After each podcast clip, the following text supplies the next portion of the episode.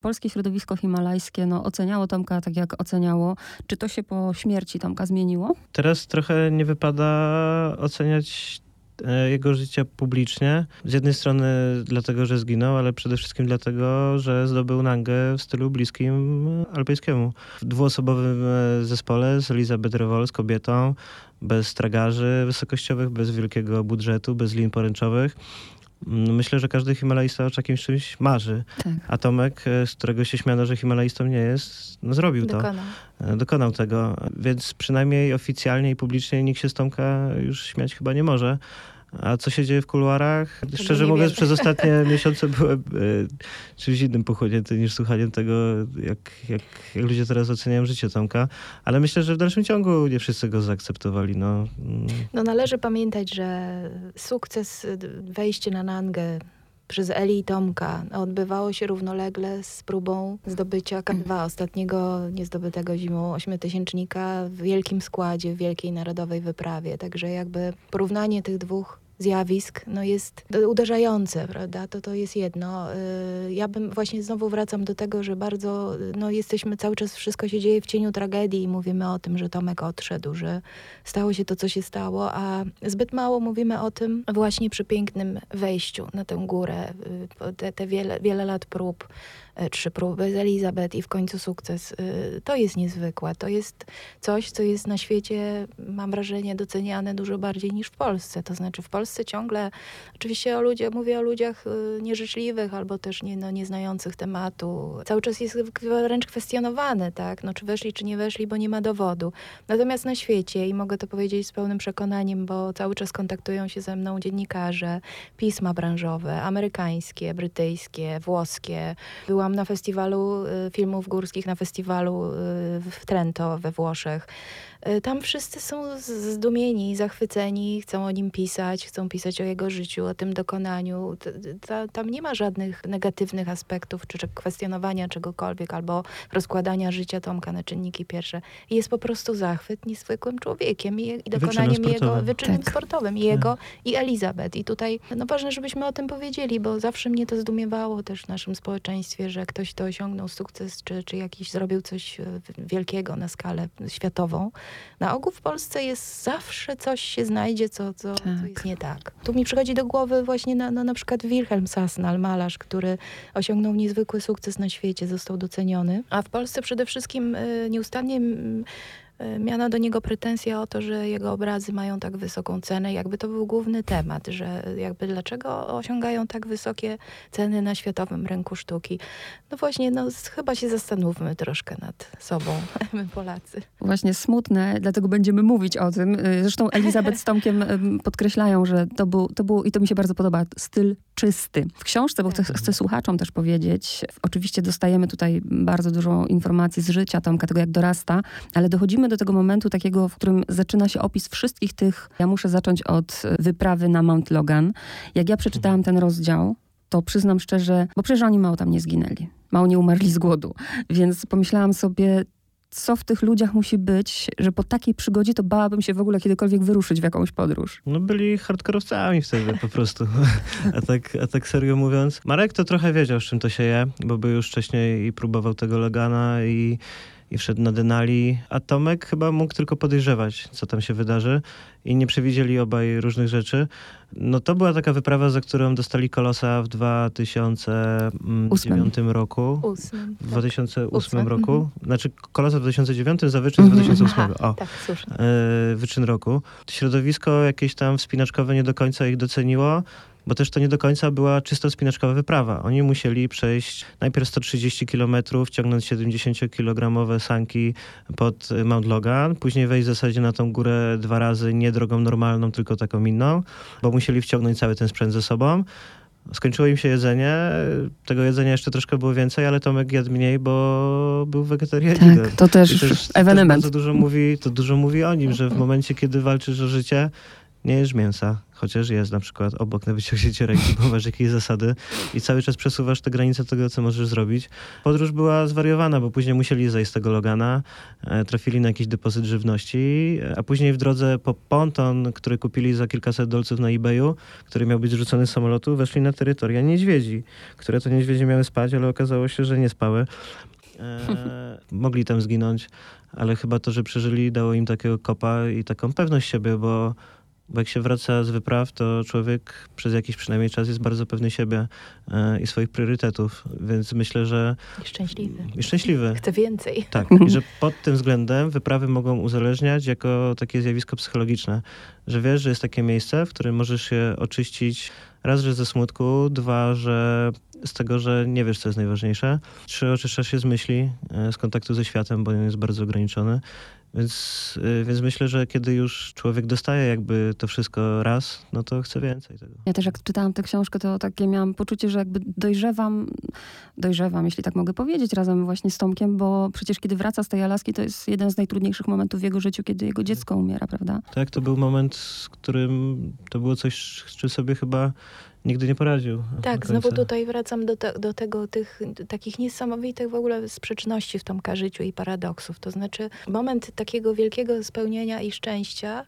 jakby nierozerwalnie wiąże się i łączy hmm. z momentem największej tragedii w życiu. To jest niesamowite, że to się dzieje prawie w tym samym czasie, prawda? Wraca z Logana szczęśliwy, spełniony, tak jakby odnalazł swoją drogę w życiu, tak jakby odnalazł jakiś sens i, i dzieje się coś, co to, to wszystko rozbija i burzy na kawałki, bo tak jak rozmawialiśmy o tym z Dominikiem, czy e, z Joasią Tomka, byłą żoną, to było to śmierć synka, śmierć dziecka naznaczyła go na zawsze i bardzo zmieniła. To już, to życie już nie jest takie samo. No i rzeczywiście i dalej już był proces też taki, e, takiego jego dojrzewania, to znaczy on cały czas się zmieniał, cały czas się zmieniał wraz z tymi swoimi kolejnymi wyprawami. To jest takie dojrzewanie głęboko ludzkie i Dominik też chciał książce, myślę, oddać właśnie ten proces jego Zmiany. dojrzewania. Tak, i to się udało, bo to tak odebrałam, dokładnie tak.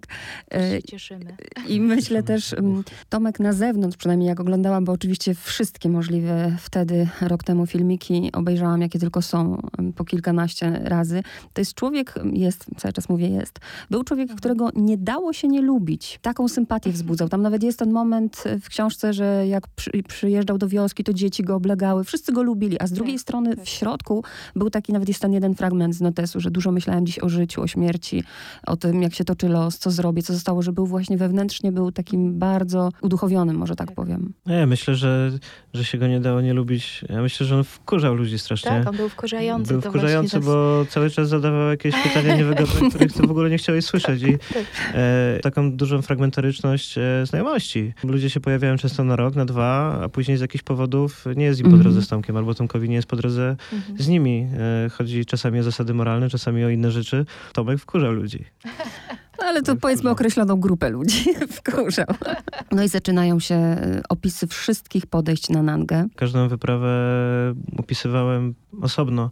To znaczy starałem się zgromadzić wszystkie możliwe materiały na temat tej wyprawy. Czy to były nagrania, dostałem od Marka Klonowskiego kilkadziesiąt godzin e, filmów z tych pierwszych wypraw, takich surowych nagrań. Były pamiętniki Tomka, było pewnie w sumie kilkanaście wywiadów, chyba kilkanaście, chyba to nie można powiedzieć, że kilkadziesiąt. Część też moich wywiadów z Tomkiem, no i relacje tych osób, które Tomkowi gdzieś tam towarzyszyły. Więc to taka bardzo dokumentalna praca była, bo w zasadzie trzeba było się dowiedzieć wszystkiego o każdej wyprawie, obejrzeć też mnóstwo zdjęć, żeby potrafić opisać krajobraz. Tak jak się te wyprawy zmieniały i były inne, to i Tomek się zmieniał mm. i był mhm. inny. I to, co na początku było taką przygodą i czymś takim do końca nieukierunkowanym, bo chyba na początku odpowiadał sobie pytania, na, na pytanie, po co tam w ogóle jeździ, to później chyba to stało początku, się jakimś celem. Tak, znaczy on chyba na początku nie zadawał tych pytań. On tak mhm. dawał się ponieść przygodzie. Tak, dawał się ponieść przygodzie. A tak. później, no oczywiście zaczął a później zaczął je, A później zaczął je zadawać. Jakimś takim momentem przełomowym jest też to, że on się określił jako himalaista,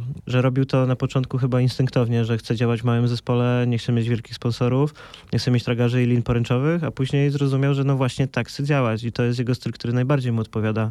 Nie odpowiedzialność za pięciu czy sześciu partnerów, tylko odpowiedzialność za siebie i bliska relacja e, z jednym partnerem. Przełomowe chyba było to, że ta góra zaczęła do niego mówić, a on zaczął jej słuchać.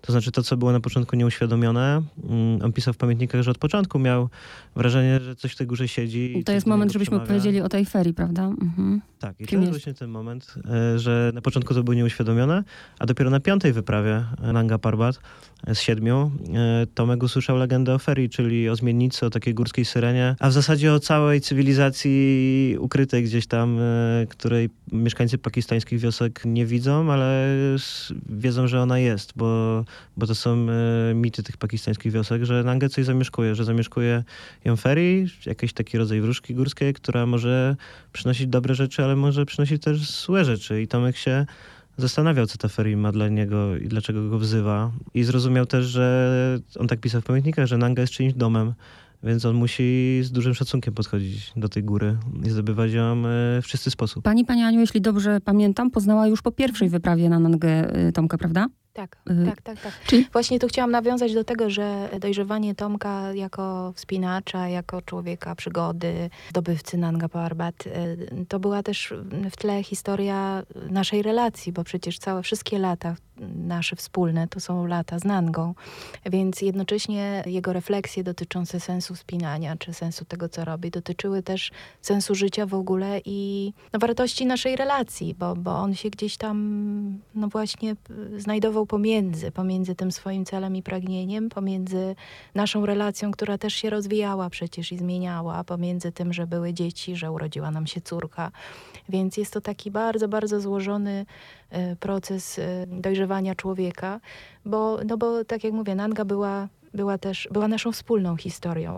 Kiedyś zresztą sam Tomek o tym powiedział, że to jego e, wchodzenie na Nangę to jest nasze wspólne dzieło, to znaczy jakby mnie w to włączał w tę całość, że ja jestem jego wsparciem, że dzieci są zawsze przy nim, czy myśli o dzieciach są zawsze przy nim, że, że my tworzymy to, to, to, to jego dzieło, ten jego zamysł wspólnie. Tak jakby w ogóle też wasze spotkanie nie było, zresztą ja nie wierzę w życiu w przypadki i ono tak, też tak, na pewno nie było ja przypadkowe, też.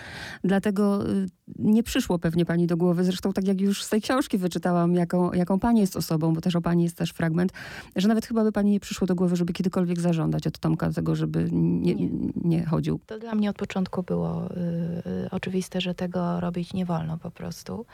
Znaczy chyba na tym też polegało nasze zrozumienie i porozumienie, to znaczy to oczywiście, że było trudno i, i, gdzieś tam się próbowaliśmy te swoje, nawzajem te swoje granice w relacji ustalać, ale ja pamiętam, że nawet zanim go poznałam, to historia o tym, że to jest człowiek, który jeździ w góry, a przecież wtedy był, ta, ta historia jego górska była krótka, to dla mnie już był element, który mm, spowodował, że się nim zainteresowałam, więc no nie wyobrażam sobie, że się poznajemy i zakochujemy w sobie. I ja mówię teraz, że to, co mnie w Tomku zafascynowało, to jest to, z czego on w tej chwili powinien dla mnie zrezygnować. Nie, to zupełnie nie wchodziło w grę. Wzruszył mnie też jeden z, y, z fragmentów z pamiętnika, w którym on pisze o tym, że zabiłem w sobie Piotrusia Pana, y, że góry są czyste, że kocham w nich być. Przyznaję to zaślepienie, palenie, alkohol, egocentryzm i że masz moje słowo, że ku, ku normalności wracam, prawda? On tam właśnie się no, odnajdywał. No, próbował, tak. Odnajdywał i próbował wracać, bo, no bo znowu będąc ze mną, no to tęsknił za górami, więc miał ten no, taki motyw ucieczkowy, prawda, i tego, tego, tego roztrząsania tych dylematów w sobie, więc gdzieś tam sobie zamykał się przy piwku, prawda, i sobie siedział i myślał. A potem jak był w górach, to sobie to stwierdzał, że, no, że to niemądre, tak, że się oddala, jest z rodziną, jest z bliskimi, a oddala się od nich, bo ma jakieś swoje cele, swoje przemyślenia, swoje wątpliwości i zamiast się tymi wątpliwościami dzielić, czy próbować ze mną rozwikłać jakieś swoje dylematy wewnętrzne, to on się właśnie zamykał, uciekał i potem w górach sobie uświadamiał, miał, tak, że to bardzo niedojrzałe i niepoważne. Tu na dole go ta rzeczywistość dopadała. Zresztą jest też moment, tak. gdzie on mówi, martwi, że żyjemy asykuracyjnie, ciągle martwimy się o kolejny dzień, czy będziemy tak, mieli tak. co dać dzieciom do jedzenia. On nas uczy. Tak, mhm. ale on nas też uczy. Takie mam poczucie po przeczytaniu tej książki, dzięki niemu mam apetyt na życie, żeby tego życia tak. po prostu nie zmarnować żeby się tak, nażyć, tak. nadoświadczać. To jest piękne. Oczywiście, bo y, my tak właśnie walczymy. On, on nigdy nie chciał być y, niewolnikiem, tak? Bo w jakimś sensie jesteśmy niewolnikami no właśnie różnych przymusów, tak? Tego obowiązku wpajanego nam. I oczywiście, że odpowiadamy za swoje dzieci, za przede wszystkim za ich materialne bezpieczeństwo, tak? Chociaż ja bym powiedziała, że bardziej za ich rozwój, ich emocje, ich oddawanie im miłości, bo materialne bezpieczeństwo, no to jest podstawa, ale jesteśmy tak w tym za, za, jakby zagmatwani, zawikłani, że e, próbując dać dziecku materialne bezpieczeństwo, czyli pracując na przykład bardzo ciężko, y, pozbawiamy dzieci siebie, prawda? I to też nie jest wcale taka, taka oczywista, czy lepszość ludzi, którzy spędzają całe życie w pracy, mając dzieci, bo, bo właśnie im chcą coś dać a de facto y, nie dają im tego, co dla dzieci najważniejsze. Więc on cały czas te pytania sobie zadawał i cały czas się buntował. Cały czas się buntował przeciwko jakiemukolwiek zniewoleniu, w tym takiemu przymusowi no, zarabiania pieniędzy, tak? Pieniądze, pieniądze, pieniądze, bo to jest najważniejsze. Ja się nawet tak zastanawiam, czy pani potrafi sobie wyobrazić Tomka, który, nie wiem, ma 60 lat i siedzi w domu przed telewizorem, bo ja nie. Przed telewizorem nie, ale oczywiście jestem w stanie go sobie wyobrazić, bo mm, cały czas o tym myślałam i jak to będzie wspaniale, jak jak właśnie dzieci dorosną, będą już niezależne, gdzieś tam uda nam się je wypuścić w świat i będą miały odwagę, żeby w ten świat pójść, bo tak y, staraliśmy się zawsze je wychowywać. I my będziemy wtedy taką parą takich właśnie starych hipisów i że będziemy sobie podróżować jakimś kamperem, bo on uwielbiał kampery i że będziemy sobie właśnie tak na przykład już mając jakieś pewnie ograniczone środki, bo nigdy byśmy się nie dorobili jakiejś konkretnej emerytury, no ale z jakimiś powiedzmy drobnymi środkami byśmy sobie tak jeździli po prostu po świecie tym kamperem, może zimą tam, gdzie jest ciepło, żeby nie, nie, nie, nie, marznąć, prawda? I te, wyobrażałam sobie oczywiście, ale, ale bynajmniej nie przed telewizorem absolutnie nie. Tomek jest jednym z najznakomitszych Himalajistów, ja to powiem, tak, w tym czystym stylu. I jeszcze panie Dominiku chcę zapytać o to, y, jak był, było z początkiem tej książki? Czy to pan pierwszy wyszedł z propozycją? To było tak, że bardzo długo się bałem odezwać do Ani, y, bo próbowałem sobie wyobrazić, co ona teraz musi przeżywać i, i, że chyba ostatnią rzeczą jest teraz, jest teraz jakby mój telefon, którym ja pytam, czy, czy ona by mi opowiedziała o Tomku. E, więc e, dzwoniliśmy się. Tak, to było tak. Zgodziliśmy się w kwietniu dopiero. Tak, ja to mogę też powiedzieć otwarcie, że, że jakby dochodziły do mnie różne informacje, że różne wydawnictwa chciałyby o Tomku opowiadać, że jest on tak ciekawą postacią, że no po, tej, po tym dramacie na Nandze no jeszcze bardziej otworzyły się te różne drzwi, że, że autorzy, dziennikarze chcą o nim pisać. No oczywiście, że jest fascynującą postacią, która inspiruje i bardzo dużo osób chciało o nim opowiadać opowiadać, ale ja znałam Dominika i, i ja sama go zapytałam. To znaczy był taki moment, że już y, to ja trochę odważyłam Dominika, tak, żeby zechciał się zdradzić z tym swoim zamiarem i chęcią. A też Dominik jest jedyną osobą, której, której tak naprawdę ufam i a nie wyobrażam sobie współpracy z kimś, kogo nie znam albo, albo ko, z kimś, komu nie ufam. Więc tutaj y, no było, był jedyną osobą, której ufałam też y, w znaczeniu tego, jak on mógłby opowiedzieć tę historię i że opowie ją tak, jak chciałby Tomek, czy że jak ja bym chciała o Tomku opowiadać. Więc e, no Dominik na pewno nie jest tutaj przypadkiem. Jeszcze chcieliśmy chyba o jednej rzeczy opowiedzieć, bo zapomnieliśmy, mm, kiedy może w tym momencie, kiedy pani pytała o te rzeczy, które się Tomkowi przytrafiały i my mówiliśmy, że pochylał się nad losem jakichś ludzi, mhm. no to chcieliśmy powiedzieć również o tym, że w takiej wiosce pakistańskiej, ostatniej wiosce pod Nangom Ser, Tomek e, obiecywał, że pomoże zbudować im e, rurociąg, tak. wodociąg, bo tam jest 150 kamiennych chat, mieszka tam 700 osób, połowa z nich schodzi w, w dół doliny na zimę, bo ta zima jest bardzo ciężka, e, również z powodu tego, że nie ma tam nie ma tam dostępu do bieżącej wody. W lecie płynie strumień, ta woda jest brudna, ale powiedzmy, że da się ją pić i da się ją użytkować jakoś. No a w zimie ten strumień zamarza i po wodę chodzą kobiety. Mm, taka wycieczka trwa godzinę, półtorej godziny i muszę przynieść wodę dla 10 osób, czyli dla całego domu, bo mężczyźni w tym samym czasie wyprawiają się parę kilometrów dalej po drewno. Więc marzeniem Tomka było, żeby wybudować tam wodociąg i my w najbliższym czasie będziemy chcieli poprosić e, Państwa o to, mm, żeby pomogli nam ten wodociąg wybudować i spełnić to marzenie Tomka i pomóc po prostu mieszkańcom Ser. Tak, to jest realizacja wioski. jakaś testamentu Tomka, jakby jego woli. On bardzo chciał pomóc i my chcemy to jego pragnienie spełnić i zrealizować. Projekt y, zbierania funduszy na rurociąg właśnie w Pakistanie to jest jeszcze to, w, to w projekt jest w fazie powstawania. My cały czas szukamy partnerów, szukamy fundacji, która pomogłaby nam z- jakby zrealizować ten projekt, czy nagłośnić. Chcemy zbierać i chcemy, chcemy to realizować, natomiast szukamy partnerów. Świadomie nie mówię, słuchacze przeczytają sobie to w książce, świadomie nie mówię o, o śmierci, o tym całym momencie, który się odbywał ym, podczas akcji ratunkowej, tylko właśnie mówię o życiu Tomka, o tym, jaki był. Bardzo dużo już było powiedziane o tej śmierci Tomka. Tak, Tak, właśnie o tym samym pomyślałam. Co byście chcieli, żeby jakby ludzie z tej książki sobie wzięli? No ja bym chciał, żeby ludzie z tej książki wzięli tolerancję do inności i żeby się wstrzymali wielokrotnie w swoim życiu z osądami i z jakąś niechęcią, dopóki, dopóki naprawdę nie poznają tej osoby, wobec której to kierują. A, więc ja bym chciał to. E, Ja bym chciała, żeby poznali historię życia niezwykłego człowieka, pięknego człowieka, inspirującego człowieka i właśnie, żeby mógł on wpłynąć na ich życie. Tak? Już każdy wie, jak, czy może sobie wymyślić, jak Tomek może wpłynąć na życie, ale przede wszystkim wpłynąć tak, że zacznijmy się zastanawiać nad tym sensem życia i właśnie tak jak pani powiedziała, po prostu żyjmy tak, jak chcemy. Pięknie to pani powiedziała. Bardzo wam dziękuję, bardzo serdecznie. Dziękujemy. Dziękujemy bardzo. Dziękujemy bardzo.